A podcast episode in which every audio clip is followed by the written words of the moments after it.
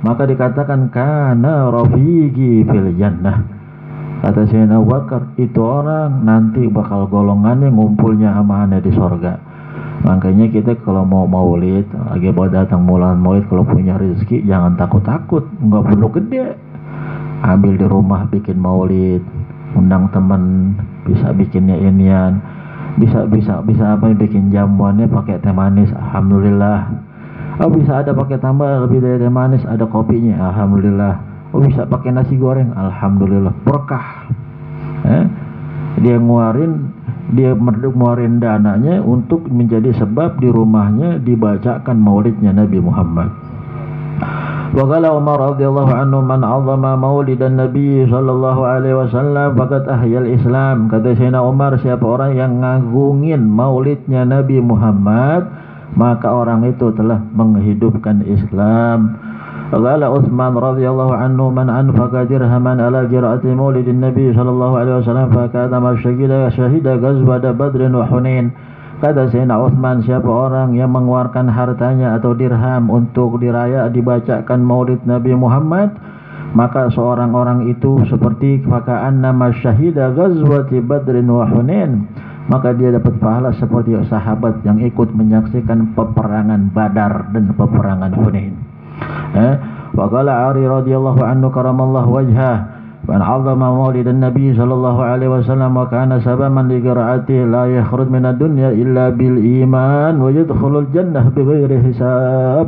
Eh, disebutkan siapa orang yang mengagungkan maulidnya Nabi sallallahu alaihi wasallam ka wa kana sababan li qiraatih dan orang itu yang menjadi sebab terlaksana perayaan maulid yang nyari dana jadi sebab.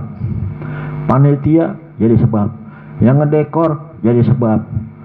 Yang ecek-ecek yang masak menjadi sebab. Eh ibu-ibu yang masak menjadi sebab. Yang beresin menjadi sebab. Yang ngebersihin masjid ngepelin jadi sebab. Yang gelarin karpet menjadi sebab. Setelahnya ngeberesin eh nyuciin nampan menjadi sebab. Semua yang menjadi sebab untuk perayaan maulid nabi Kata Sayyidina Ali, la yakhruju minad dunya illa bil iman wa yadkhulul jannah bighairi hisab.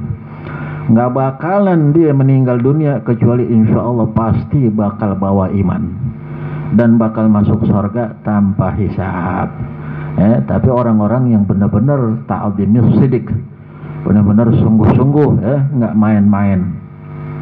وقال حسن البصري رضي الله عنه وددت لو كان لمثل جبل خر ذهبا فأنفقت على قراءة مولد النبي صلى الله عليه وسلم Kata Imam Hasan al-Basri yang aku suka, yang aku senang kalau aku punya emas segede gunung, maka tuh emas segede gunung saya jual.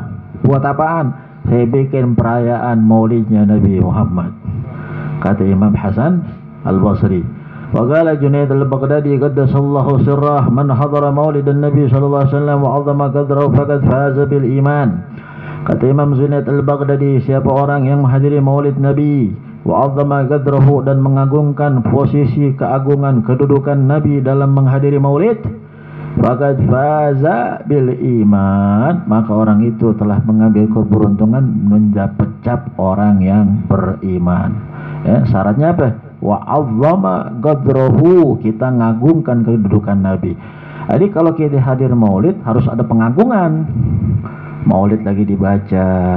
Isinya diceritain tentang Nabi.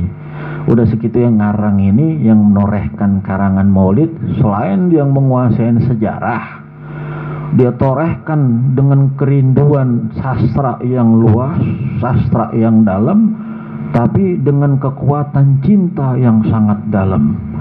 Eh, yang itu nggak bisa dirasakan kecuali dengan zauk. Makanya orang yang begitu punya zauk ngerasain. Nah begitu di ujung maksudnya dia di situ sama dia dilontarkan.